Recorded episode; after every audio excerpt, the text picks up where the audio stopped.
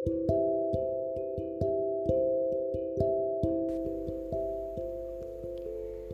ingin memperkenalkanmu kepada satu makhluk pecicilan yang tidak bisa diam bernama hati. Kebetulan dia milikku, dan kebetulan juga dia mengejarmu.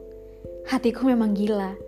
Sekuat apa pun aku melarangnya untuk berlari ke arahmu, dia akan tetap berlari hanya untuk memelukmu. Tunggu dulu. Sebelum kau berangkat pergi karena takut dengan kelakuan hatiku, biar kuteruskan ceritaku.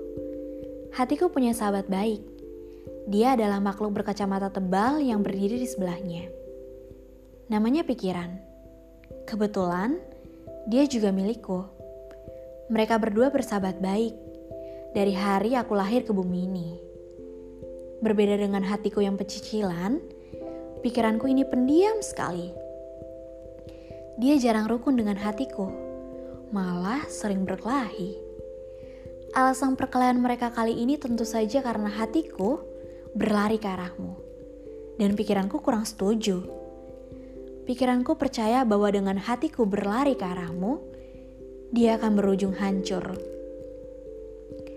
Pikiranku yang sayang pada hatiku tidak ingin sahabatnya itu hancur. Sebentar, izinkan kami berunding. Jangan pergi. Aku mohon. Telah lama aku menanti sosokmu. Kau tangguh Aku suka itu. Kita sama-sama pejuang. Kau berjuang mencari jalan pulang, maka aku ingin berjuang menjadi rumahmu. Karena ternyata hatiku betul. Kaulah orangnya.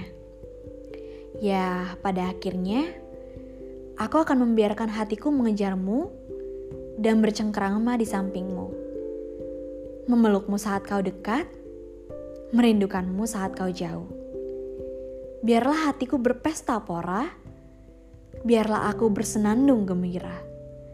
Sementara pikiranku, aku yakin pikiranku baik-baik saja, duduk manis di kepalaku, berharap tak ada hal buruk yang menimpa hatiku.